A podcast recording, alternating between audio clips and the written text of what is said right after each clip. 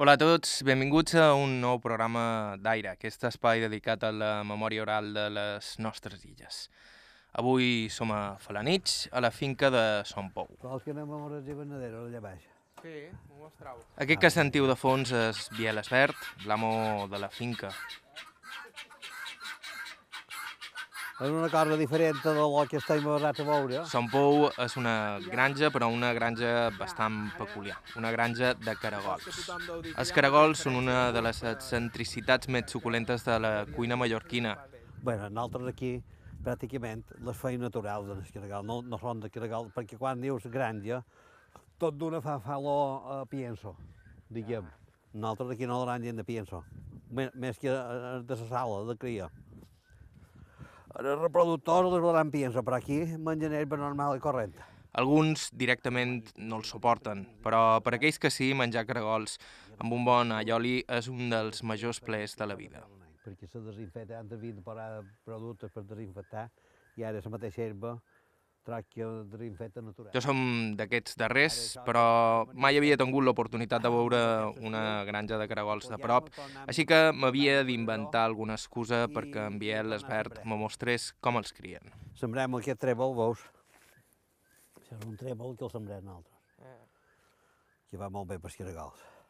I un any les tenim aquí i un any les tenim aquí de sa. I aquí el, el mengen de lo que surt d'aquí dins. No la donen pienso. Ves aquí en Sovent, tot mos va- van fer això net. Llavors, i aquí tenim els caragols. Veus? I ara quan s'ha fred i això, se posen a dins els panels perquè estan més refugiats de, de, de, de, del fred.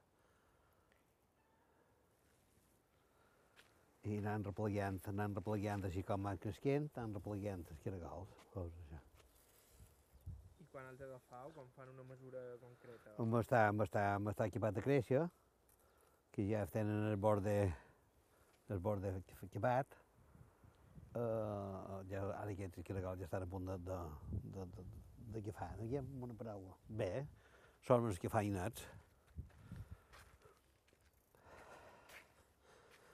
I d'aquí anant replegant, i ara, ara veuràs allà que n'hi ha de més petits, que no han acabat de créixer encara, que són els que varen, els que varen deixar més petits de l'any passat, que varen néixer darrerament, per, per juny o, o juliol, perquè passa que estem de, de fred, de, de, quan fa molt de fred, ells no mengen, estan, s'aguanten. Tots hiverns estan, estan hivernant. Veus, aquí n'hi ha més petitons, aquí n'hi ha més grossos, veus, aquests són més petits, que aquí, que ara n'hi ha que no han acabat, que no, no estan sellats de, de, de tot, ho veus, Sí. que no han acabat de créixer encara de tot. I allà dins, allà dins ara ja n'hi ha de, de petits, d'aquests recient nats, que ja començam a moure l'or allà dins. Cai, mengen, eh? Ah? Que mengen. Mo, sí, mengen, se mengen tot. Aquestes pastelles, aquestes pastelles, principalment quan són com això, eh, eh, eh, tot això era herba com això, com, bé. Això, ho anava a dir, si era Eh, igual que igual, jo... igual que això, era. Això, ja, ja ho veus, s'ho mengen tot. Però no li donem respòs nosaltres, no? Mengen de lo, com si fossin camperos. Eh. I en el gust són boníssims. Has vist eh, si n'hi ha aquí?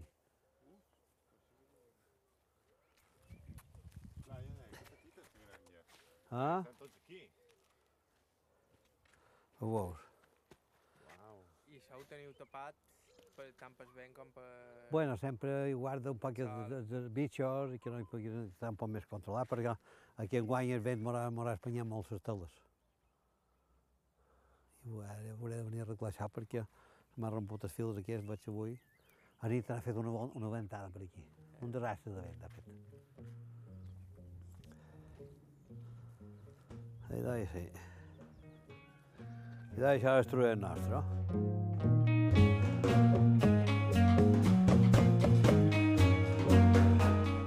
Un trollet que diu ell que va començar ara fa 11 anys, després d'una vida dedicada en la seva majoria a la ramaderia.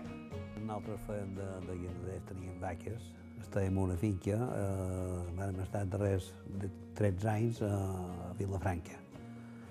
Una finca que diu, se diu Sort de Sant Martí, i era una finca de les més bones de Mallorca per tenir vaques, perquè hi havia unes instal·lacions molt ben, molt ben muntades, i teníem 350 animals allà.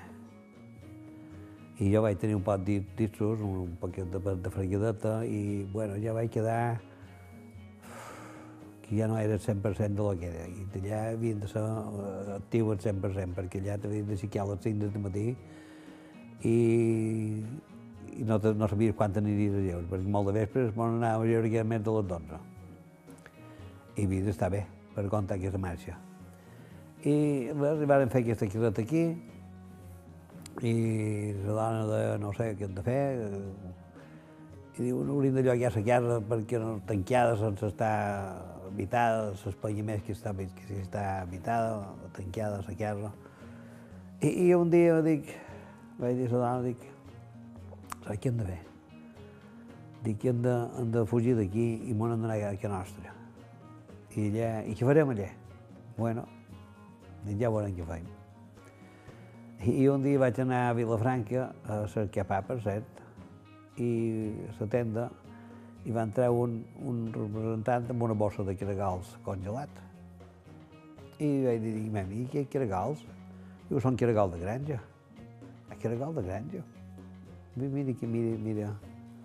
I se m'ha encendre la bombilla quan vaig ser a casa nostra, vaig dir a la dona, ja sé que hem de posar son pou, perquè diu son pou aquí. Diu que hem de posar, dic, una granja de caragals. Diu, i ara on t'has fet això? Els caragals, dic, uh, m'ha topat amb això i dic, ara veuràs. Tothom va riure, va, va riure una setmana no puta caragals d'aquestes, les granges caragals.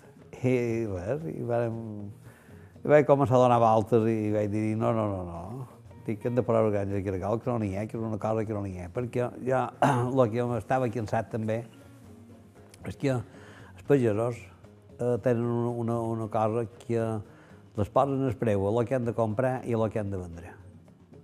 I tu has de parar mort al mig. Si t'agrada ho vens si no t'agrada no ho vens. Però no te queda més remei que passar per allà on, per allà on toca. I per comprar, d'anar a comprar el que la, te diuen, això val tant, un, un, un sac de bono, diguem, una tonelada de bono, val tant. Si l'has de mestre, l'has de comprar. No pot dir, no, jo només te'n vull donar, si val 1.000 euros, només te'n vull donar 800. No, no, no, no. I això ja estava un poc cansat. I dic, jo vaig dir dona, dic, hem de posar una cosa que a nosaltres li poden pagar el preu, perquè estic cansat de que me posin el preu a la meu. I gràcies a Déu eh, ho hem aconseguit. I varen començar aquí fets i venaderos, que l'any antes de nosaltres venir, quan varen venir aquí ja hi havia caragals. No varen aturar marxa.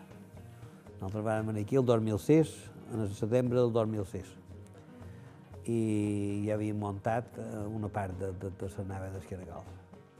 Ja, havia, ja teníem bastant de caragals Vam fugir dos dies de les vaques, que pràcticament hi havia gent que no se va donar compte que, que no hi fóssim, i vam anar a fer un curset a Huelva per tenir un pot d'idea, perquè havia de tenir, no, jo de Carregal només havia, havia anat a cercar per, per, per menjar, per, per, només coneixies Carregal per menjar. I res, vam agafar un pot d'informació, i llavors aquí a Mallorca també hi va un que tenien una granjeta que va ser d'allà on vaig comprar els primers Carregals, i me va dir un poc així com ell ho feia i sobre la marxa hem anat aprenent, perquè des damunt, damunt la teòrica, a la pràctica, hi havia molta cosa. Però de vegades eh, ja diuen que treballant prenen dels seus peus i nosaltres ens hem defensat perquè són dels primers que van muntar la granja i n'hi ha moltes que, que les van muntades i no han comptat i nosaltres encara en tenim regals.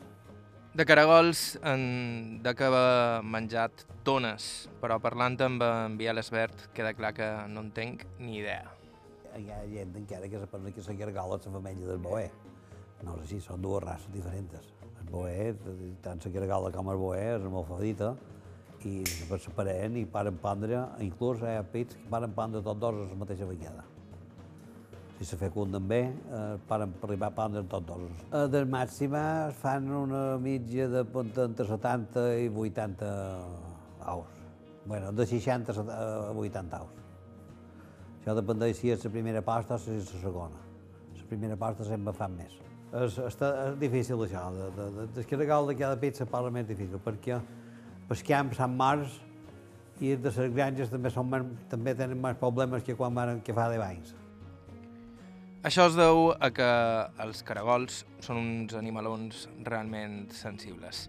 Tant a les condicions meteorològiques com la calor, el vent, com a la contaminació. A Son Pou, però, han aconseguit fer de criar caragols una ciència, encara que sigui inexacta. I de veure aquí tenim la cria, aquí és allà on comencen els caragols, veus, els aus. Aquí tenim aquí a pota de terra, els cerquen, no tenen post terra per, per, per pondre, i han de cercar, venen, venen a pondre la terra, forçar tant a la terra, Mm. veus, les pastes. Sí, sí. Això ara els hores baixes traiem feinet, cada dia hores baixes feinet, traiem les pastes que hi ha, perquè mentre es hagi els caragals perquè no ha acabat de prendre. Veure aquest. Ara està ponyent aquest. I com és que, com, com punyetes ho fa per ficar els ous tan endins? Se fica. Se fica, treu, treu la terra, veus? Treu la terra i, i ell posa, i sempre fa, no sé per quin motiu, però sempre les posen en una part. En una part de, de, de no les posen al mig, sempre una vorera. No sé per quin motiu, no ho sé. I veus aquí ara ja aquests enfuis, veus les pastes, Mm. i ara això sobre baix el posam entre ho traiem, posam a damunt els- allà, tapam els potets, perquè neixen, ara n'hi ha aquí que neixen, veus? Aquí n'hi ha que, que ja... Quan se torben a néixer? 25 o 6 dies, això dependeix del fred que tingui, veus? És petit, quan, quan neixen, se posen, s'aferren, surten de la terra i s'aferren a la tapadora. I això va llavors nosaltres ho mollem en els, en els hivernaderos.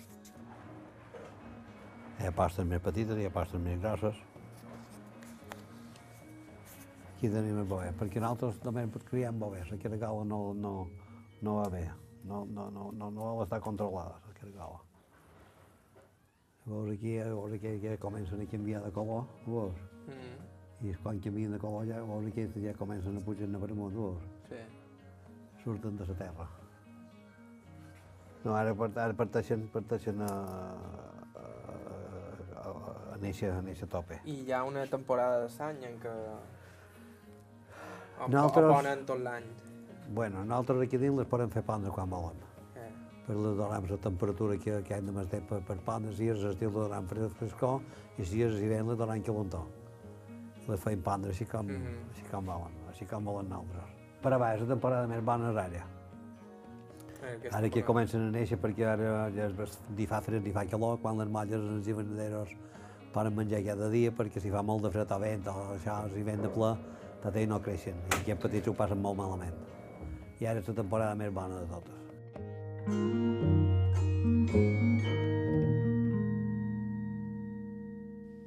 Avui a Aire hem començat el programa una granja de, de caragols de falanits, però la idea no era parlar ni de caragols ni de falanits, sinó de Cabrera. L'illa més petita de les Balears i pot ser per això la més desconeguda i esquiva, un bocí de terra de 1.115 hectàrees situat a 13 quilòmetres i mig de la costa sud de Mallorca, que al llarg de la història ha estat refugi de mariners, monestir, base militar i vedat contrabandista. Per saber com pegam dels caragols a Cabrera, vos haureu de quedar amb nosaltres. Benvinguts a Aire, vos parla Joan Cabot. Començam.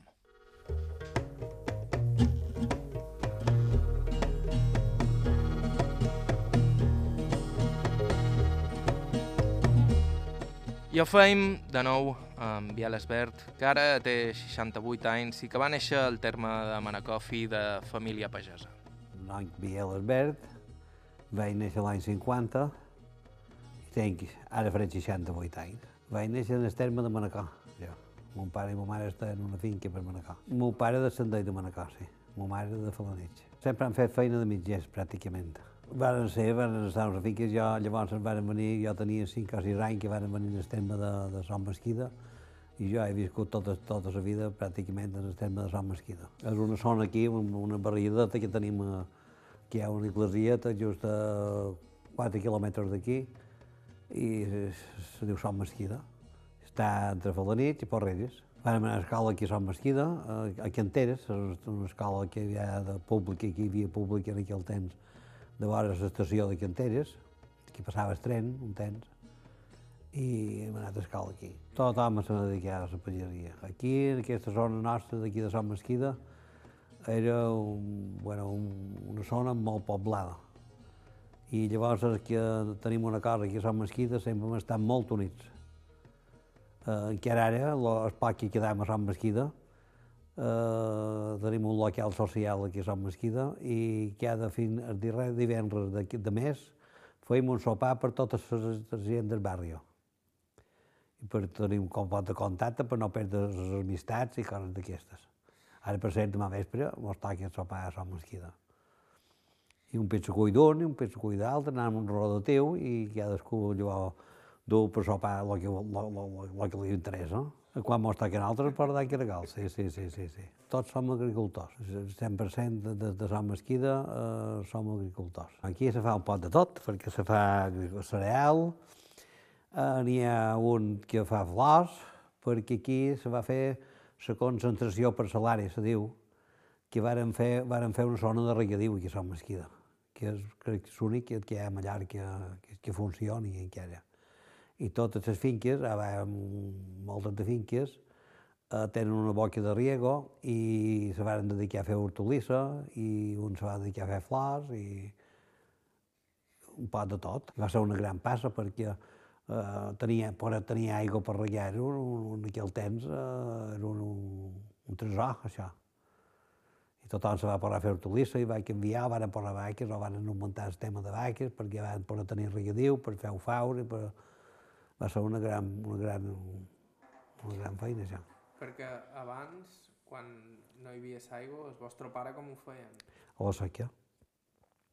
A la seca, i ja podies tenir menys animals, i i nosaltres, bueno, jo vaig viure aquí a Sant Mar Vell, mon pare està a Sant Mar, una finca que es diu Sant Mar Vell, i, i després quan jo m'ho vaig casar, vam passar a aquesta altra finca a Sant Ronyal, jo i la meva dona, i també varen posar vaques. I llavors van dur la sort, se va posar el regadiu aquest, i varen poder fer, ja ho fau per les vaques, varen poder muntar un paquet d'aquest de ganado. Nosaltres aquí a Sant Mas teníem, teníem, no sé si eren cinc o sis vaques, i teníem un centenar d'oboes, perquè a mon pare li agradaven molt les oboes sempre. Sempre, sempre havia estat, sempre, sempre pràcticament jo que nostre sempre he vist oboes. A pesar que teníem un parell de vaques, però com que les vaques només podies tenir un número segons el menjar, i que amb les oboes ja les treia a pasturar un poc per veïnats, i al vespre, i a les hores baixes. I, i llavors se'n va venir aquí, que d'aquesta finca, que estàvem a Sant Mas, vam anar a Camarella. A Cabrera, durant quatre anys, la família de Biel Esbert es faria càrrec de la finca de Cabrera, en part fruit d'una casualitat.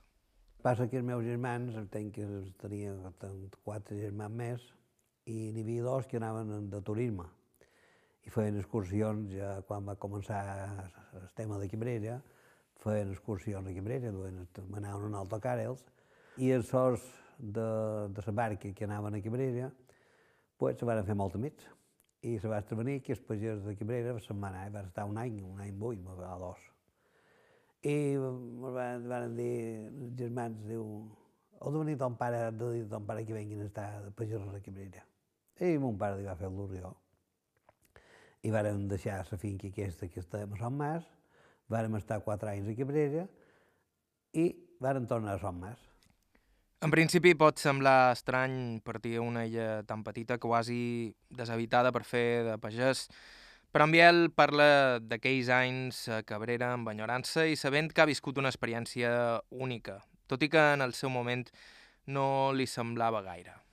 Jo me'n vaig anar que tenia també 13 anys, o 13 anys i mig, o cosa d'això. I vaig tornar que tenia 17 i picó. Jo, de, de, de, com que era una edat, una edat borral que teníem, diguem, m'estirava molt Mallorca perquè tenia els amics, perquè ja no hi havia, hi havia poc, poc soldats i això, però, però ara molt de pits he dit, vaig fer una passa mal donada, havia d'haver quedat allà, perquè era un paraís, l'illa de Cabrera.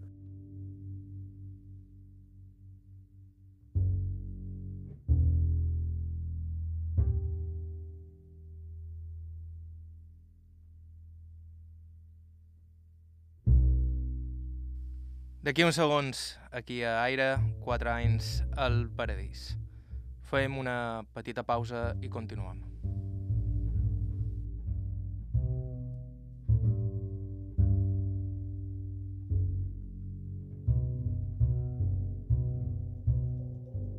A IB3 Ràdio, Aire.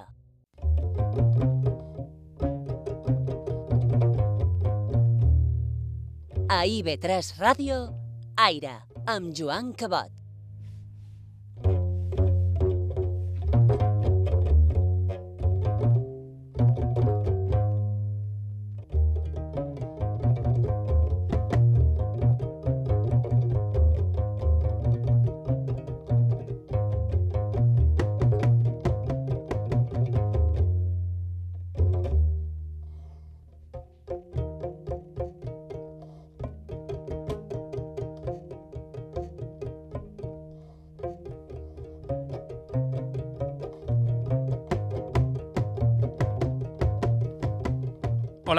Esteu escoltant Aire a la sintonia de IB3 Ràdio. En el programa d'avui hem conegut Biel Esbert, propietari de la granja de caragols de Campou a Falanich. Això dels caragols és només una de les moltes raons que podríem tenir per entrevistar-lo. La principal, de fet, no té res a veure amb el que fa avui dia en Biel, sinó amb el que va fer de jove, quan tenia 13 anys, i la seva família es va instal·lar a Cabrera per fer-se càrrec de la finca que es troba a l'illa.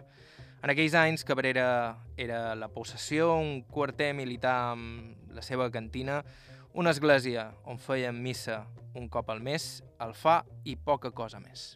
No, jo era dels, més, dels, dels que vivien allà era dels més joves, perquè to- tots els, soldats que hi havia ja eren més, més, més, tenien ja a partir de 18-20 anys. L'estiu hi havia ja començava a haver turisme, però allà que vivia allà, hi vivia bastanta de gent, perquè hi havia faroler, hi havia civil, guàrdies civils, hi havia eh, bueno, tots els militars, perquè els militars hi havia 60 soldats, sempre, sempre, sempre, més, més, més majors, sergent i tinents. Hi havia quatre guàrdies civils bé en la família. I, bueno, hi havia, aquí més, hi havia els de... Uns, uns, un que vivia a l'església, que li deia mestre Carme, llavors hi havia un altre que se dedicava a dur el subministre de, de, de soldats, que feia el transport de, de Cabrera fins a Queloni, i hi havia, sempre hi havia gent allà. Però eh, dels faros hi vivien, sí. Se tornaven, me pareix que era cada 15 dies se canviaven o cada mes. I quan en fugien venien un altre, normalment venien la família. Excepte si tenien el lot petit, de vegades només venia el faroler perquè mortes el lot per no perdre l'escala. I si en aquells anys la feina a Mallorca ja es feia a mans i a visti, a Cabrera encara es torbarien més en arribar a les màquines i tot es feia a la mala. Bueno, ja tota la feina se feia a la mala, amb vistis. No hi havia cap tractor ni, ni, ni, ni, ni. I per aquí començava, perquè això era el 63, 4, hi havia molt poc tractors per aquí a Mallorca, ja, i allà que ni un. Nosaltres teníem tres vistis i feien tota la feina en les vistis. Jo, com aquí, pràcticament, perquè aquí també se feia la feina, les vistes en aquest temps. Però allà era una, la terra, era, el que se podia cultivar era una terra boníssima. Amb la meitat d'aigua que aquí se feia, s'assenyada per mort de la humitat de, de la mà i això. Allà comptava més la humitat. Conràvem cereal, tenien 300 ues, i les ues anaven per tota l'illa. Les anaven a llaure i estaven per tota l'illa, per tota l'illa. Les replegàvem tres, quatre vegades cada any per llevar menys o per, per tondre, per totes les i per, bé, per tenir un control de, de les ues, perquè normalment hi havia la guarda grossa, la part grossa sempre estava a prop del camp, perquè tenia, hi havia més menjar. Però sempre hi havia petites gordetes que se, se, se destacaven i anaven per tota l'illa, i potser només les veiem un pic cada any dos. Quatre vegades cada any les replegàvem, feien la volta a tota l'illa i les replegàvem totes. Quant de temps se torba fer la volta a tota l'illa? Bueno, uh, un dia no basta. S'ha de fer dos, dos dies i mig o tres. Per fer-ho uh, ben arreu, diguem, voltar tota l'illa, voltant, voltant la mà, Uh, han estar dos dies, bam, bam, bam, bam. Encara me'n record bé. Ara hi vaig anar i vaig quedar bastant sorprès perquè tot el que era agricultura és, és guerrilla. Ara no hi, ha, no hi ha un pam de terra que se pugui cultivar. Bé, excepte el que és una mica tot, tot allà de la font, tot l'altre, no per veure uns 50 anys el que, el, el, el que ha fet. És una pena perquè eh, ara és una illa, per jo és una illa morta, que no té vida, i antes hi havia vida. És una pena que hagin deixat abandonar d'aquesta manera perquè hi havia redal de, de, de, de, de terra boníssima. Per nosaltres, quan hi vam estar, eh, se podien cultivar sent cortarades. Blat, ordi, cibada, bueno, faves, fèiem un paquet de, de cereal rodatiu, un pot de tot, perquè també teníem un parell de trutges, un parell de parts, i, i engreixàvem part per les matances, i, i tot ho feien de cereal de, de cuit allà. La feina era feixuga, però en Biel recorda la vida a l'illa de Cabrera com una vida realment pacífica i pausada. Bastant tranquil·la, perquè allà no hi havia... no teníem problemes amb ningú, tothom, tothom se coneixia, tothom era com una família, i, bueno, eh, nosaltres estem que hi vàrem estar, eh, no vam tenir problemes mai, vàrem estar beníssim. Què fèieu per divertir-vos? Bueno, anàvem a pescar. Això era el divertiment. Anàvem a pescar i potser els soldats havia sempre, com que sempre que jo estava mesclat amb ells, i sempre hi havia més un que t'estirava un poc més i venia a sopar que nostra, o anàvem a pescar que la mare i jo les torràvem per sopar. El divertiment era això, anàvem a caçar, perquè també hi havia quatre conills, i, i el, el divertiment era això. No, no, els diumenges varen posar la televisió, eh, no sé si era el 66 o... Varen posar una televisió i només, la marxava, només marxava que pràcticament el diumenge perquè no hi havia corrent i van posar un grup per fer la, la corrent i quan va arribar la televisió ja va ser no més. Tothom, mira, diumenge hores baixes vols mirar la televisió, un pot de, de, perquè el que feien no, no, no volíem, però era una cosa nova i te, te, te, te llamaves l'atenció, dir això, la cantina dels militars, sí. No, hi havia mallorquins, hi havia catalans, tot per tot, per tot n'hi havia, sí. I n'hi havia que pues, demanaven per, per estar allà, quan ho coneixien no, no se'n volien anar perquè allà pràcticament feien una vida molt diferent de, dels cortés. Allà tothom anava així com, així com volia pràcticament. I, i normalment hi duen els arrestats allà, que havien fet qualque, qualque animalada per, per, per, per, per Corté, i li deien, ara un mes a Cabrera de, de, de càstig. I per càstig? Només era que estaven allà que no se'n podien anar. No, n'hi havia que esteu passant malament. N'hi havia que, que, que no, no ho agafaven bé, però n'hi havia que... Te... Jo no me vull tornar d'aquí. Si vull que vas a mil aquí, la quemaré. No feien guàrdia, ni, no, no, hi havia res allà, pràcticament. El, de, el dia de que venia el barco, que venien, a lo millor venien, hi havia canvi de militars, eh, pues era el dia que, que tothom se vestia de, de, de luces. Però si no els dies normals, tot anava així com, així com anava, no, no hi havia problemes. Els militars no, tampoc no, no els interessava posar-se malament els soldats allà mateix perquè no hi havia per què. Si feien bonda, si feien el que, el que però no feien instrucció ni feien...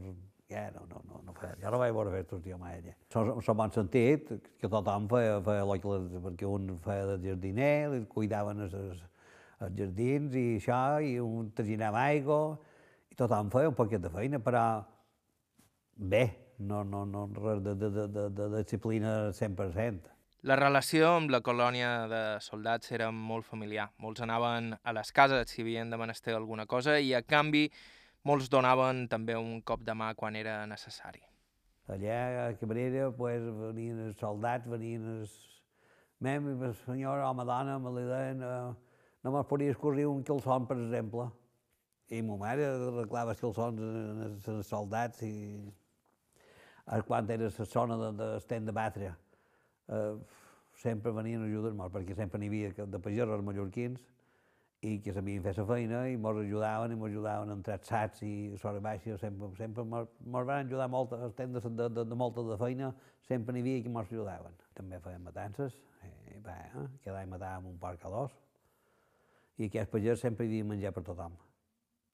Pensa que hi havia una barca de bau perquè els mariners, quan hi havia molt de mal temps, pues, havien d'entrar en esport. I molta gent venia a mem que no tindreu cap gent de pa per nosaltres o una sobrassada perquè hem quemat els tastos i que nostre sempre havia menjar per tothom. I mos deixaven peix, i mos de... hi havia una barca de bau que pràcticament no la van conèixer mai, el, el patró de la barca, i entrava a millor dues o tres vegades cada any a dins l'esport. I sempre deixava un, peix, un quixó de peix per pagès. I els soldats mos duien, eh, de això per vosaltres. I pràcticament no van arribar a conèixer mai el patró de la barca, però sempre no entrava mai que no deixava un quixó de peix bo, però no res de, de... Sempre mos enviava una, una caixa de peix. De fet, el peix i pescar-lo és una de les coses que més recorda Biel Esbert dels seus anys a Cabrera. Era, era una cosa sèria. Les cases dels pagès estan a, a, 20, a 20 metres de la mà. Es maltent de vegades, quan hi havia molt de vent, els esquitxos arribaven a les portes de la casa. I allà t'anaves amb una canyeta amb un, per agafar pots, per exemple, podia agafar el que volia perquè era un desastre el, el que hi havia de pes. A dins el parc mateix, agafava, tenia un botet, el rem, sense motor, i te n'anava a baixa de prima a pescar calamars. A dins el parc, agafaves 4 o 5 calamars sense cap problema. Que això ara ja no se veu. Supos que encara n'hi deu perquè ara no hi hi pesquen menys que llavors, però més peix que llavors no crec que n'hi hagi ara que, que està a reserva perquè allà pots n'hi havia, però era una cosa sèria el que hi havia de peix.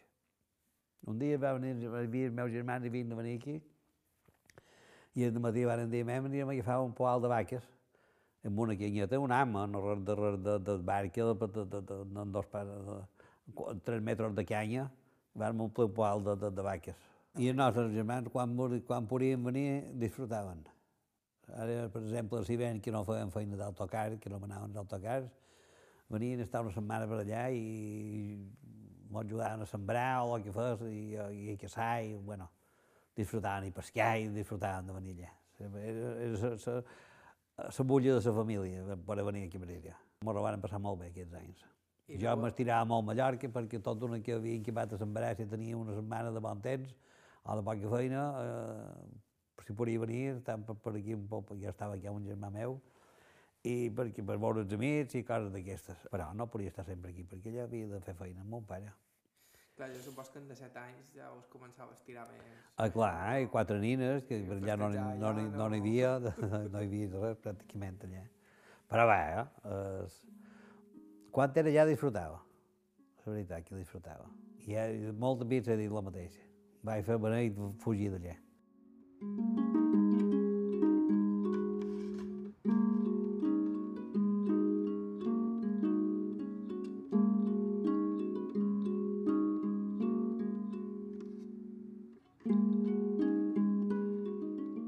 Pare i ma mare no haurien tornat, va ser jo que vaig, vaig fer un pot de, de, de pressió per tornar perquè, bueno, jo era jove i de, jo aquí, aquí, que faré tota la vida aquí.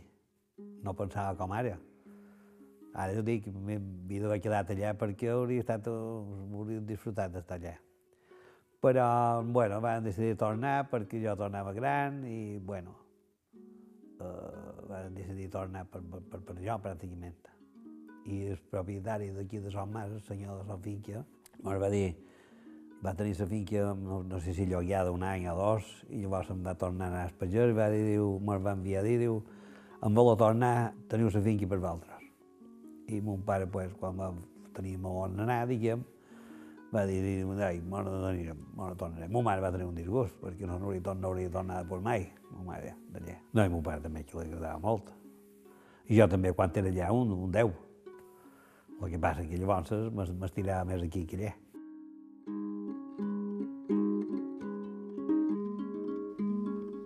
Després de quatre anys a l'illa, la família de Biel Esbert posaria fi a la seva etapa cabrera i retornaria a Mallorca. Nosaltres, però, no abandonam ni Cabrera ni a Biel Esbert.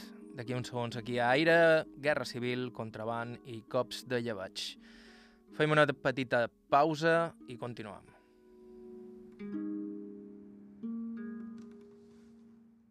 A IB3 Ràdio, Aire. Amb Joan Cabot.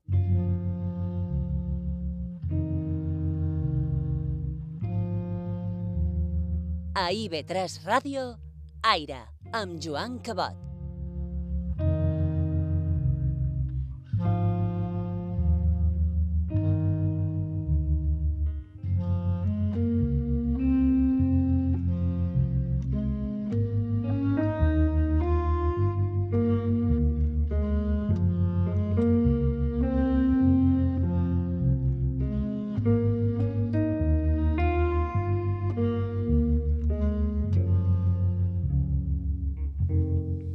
Hola de nou, esteu escoltant Aire, això és IB3 Ràdio, la ràdio autonòmica de les Illes Balears.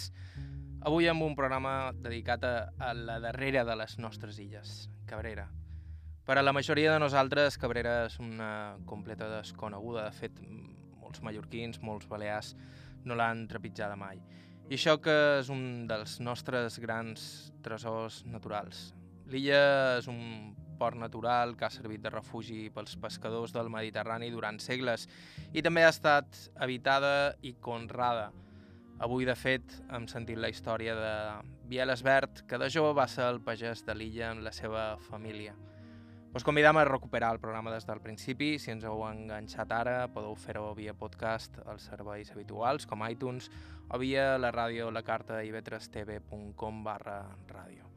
Han dit que Cabrera era un port natural molt preuat pels pescadors i mariners que s'hi podien refugiar en cas de necessitat, però Biel Esbert també ens parla dels temporals i els vents que podien arribar a deixar la illa sense comunicació amb Mallorca.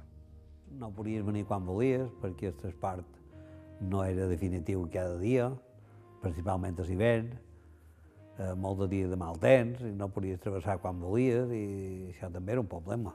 Allà pega molt bé, molt fort. Per exemple, el llebeig era un punt un, de vent molt, molt, molt, molt, molt, molt dolent.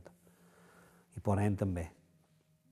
I el llevant, el llevant també, però el llevant ja no eren tan, tan dolents com el ponent i llebeig. Però el temporal de ponent i llebeig eren greus allà. Perquè passa que per anar a la colònia t'agafava de pla.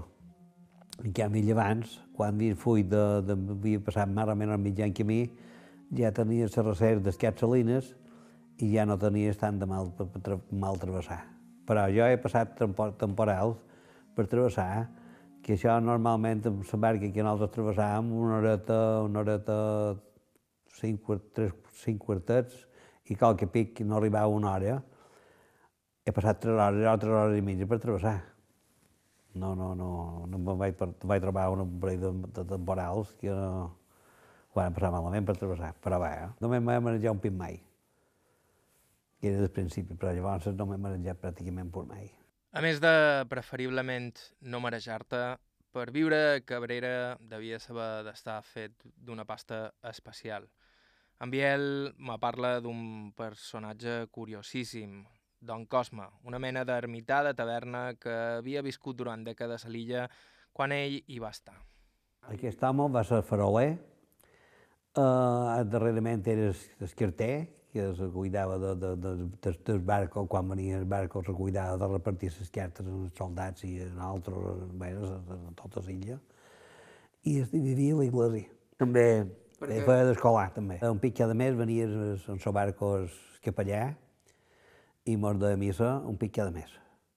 I aquest home vivia a l'església, cuidava l'església i això era que seva, l'església. Hi havia una caseta i ell vivia allà. Feia 40 anys que, que vivia allà, aquesta moneta. Era un home ja... Quan nosaltres estàvem devia tenir, si feia 40 anys, devia tenir 60 o 70 anys, aquest home. Però vivia beníssim. Pescava, tenia una barqueta i pescava i se sabia menjar i la dona estava amb els fills a Palma perquè devien d'anar a escola i tot això, però a l'estiu llavors tota la família venia, passaven aquí dos, dos mesos d'estiu, passava tota la família allà. Don Cosme era també els ulls de la història de l'illa, que també ha tingut els seus passatges de tragèdia. Escoltam una història realment esfereïdora dels anys de la Guerra Civil per boca de Biel Esbert. Quan hi va haver desembarc de, de, de rojos, que deien, eh, aquest home era, i hi havia, el pagès que vivia allà tenia tres fills, dos fills i, un, i dues i tres filles. I se varen fer un poquet forts, se varen vestir de falangistes i varen fer forts a, a Silla i els rojos les varen agafar. I se'n varen dur son pare i dos fills. I les varen matar a Menorca. Hi ha un monument en què se creu un son nom de, de, de, de, de, dels pagesos aquests. I les filles, de vegades m'ho van contar perquè ells, la madona veia, ja, la madona veia, ja no, pràcticament no venia aquí a Cabrera. Les filles sí, perquè tenien una casa, una casa en el moll, que tots l'estiu venien les filles a, a passar l'estiu allà. I me contaven que les havien fet de tot, les van violar, les van... I seguia ella, la mare, així com va poder, amb les tres filles, amb una barqueta al rem, a la vela, van posar un llençol a la vela per, per, per, per, poder fugir i van anar cap a la colònia. Ho van passar molt malament, aquesta gent i els dos germans i son pare les se'n van endur i les van matar a Menorca, segons, segons la història. Que, era, que llavors es va ser, eh, després de la guerra, eh, Franco va donar com a, com a deixa, com una paga en aquesta dona, que tot el temps que ella viuria seria la duenya de Cabrera. Nosaltres estàvem, vàrem, vàrem fer tracte amb aquesta dona, que, era, que havia estat de, de pagesa, i llavors, eh, quan se va morir, llavors ja va, va passar directament en el govern. Però el temps que nosaltres estàvem, estàvem amb aquesta pagesa, no, estàvem, no dependien de, del militar nosaltres. La família Feliu va ser antes. Eh, la família Feliu eh, eren els propietaris de, de Cabrera, els antics propietaris. Llavors es va passar en el govern, ho va agafar en Franco, les va despropiar. Quan van fer el tema de militar i van fer escorta i tot això, les van despropiar i varen fer, van tenir plets perquè van venir, jo vaig xerrar amb els, felius aquests. Però no, no, varen, no, no, no, no, van, no van arribar a recuperar-ho mai. I aquesta dona li van deixar com a, com a paia que tot el que trauria a Silla seria seu, seria la madona de, de, de, de, de Silla, que és el que m'ha contat aquest mestre Carme aquest. I diu, en canvi jo, diu com m'ho ha dit res.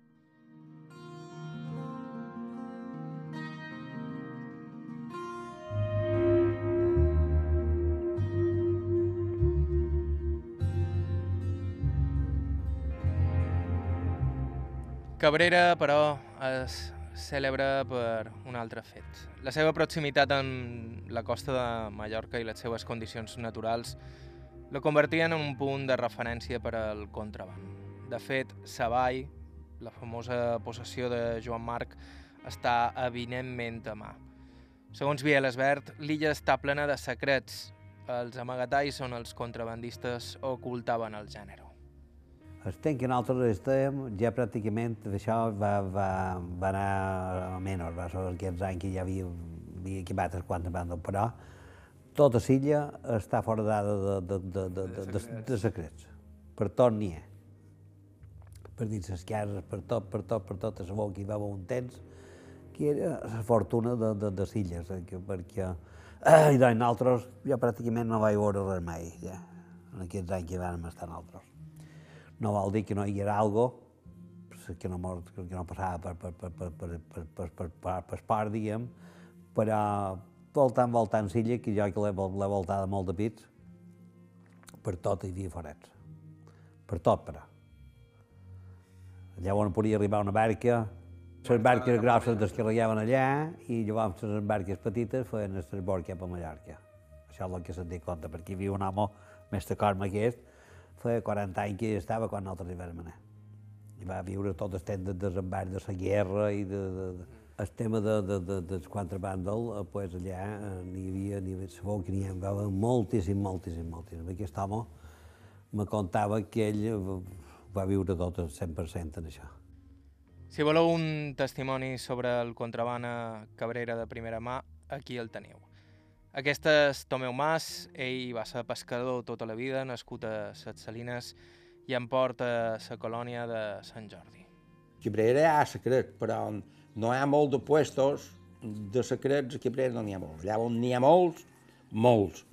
Els d'Escat Salines, cap a, cap a Tàdia, fins, fins, fins a Cala Ratjada, tota aquesta costa d'aquí, aquí n'hi ha molts.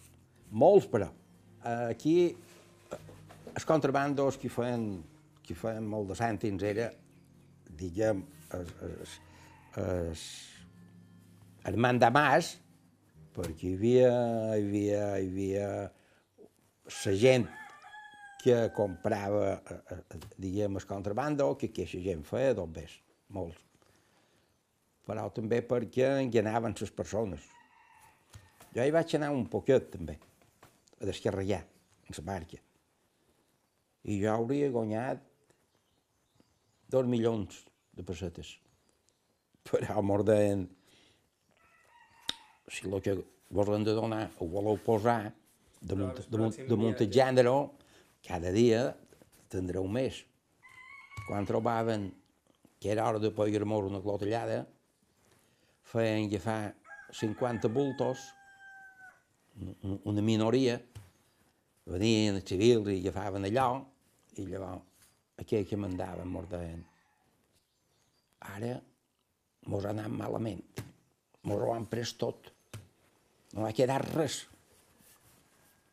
Vinga, un altre pic començar de nou. I la vegada que va fer dues, que mos agafaven, vaig dir, és que ja no vull venir pus. Jo ho vaig deixar anar, no hi vaig anar pus, perquè mos varen do, en dos pits se'n va anar. Jo no vaig cobrar res, mai. Vaig fer feina dos anys i no vaig cobrar res. I era una feina do, molt, molt dolenta, que això. Eh? Si voleu sentir tot el que vàrem parlar amb Tomeu Mas, però haureu d'esperar a la setmana que ve. Valdrà la pena, que en Tomeu és una persona increïble.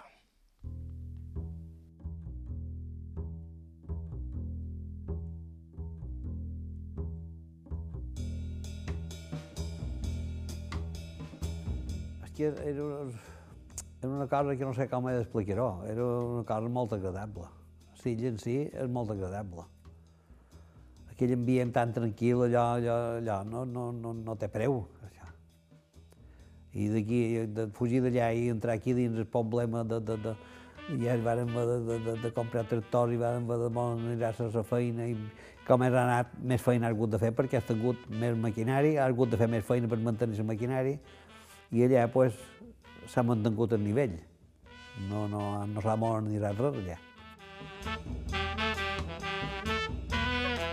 La setmana que ve, idò, més cabrera, més contraband, més peix i més de tot. Ho deixam aquí per avui. Moltíssimes gràcies a Biel Esbert per, per la seva amabilitat. Ja sabeu que si coneixeu algú que penseu que valgui la pena que entrevistem, ens podeu escriure a aire.ivetresradio.com o telefonar al 971 13 99 31.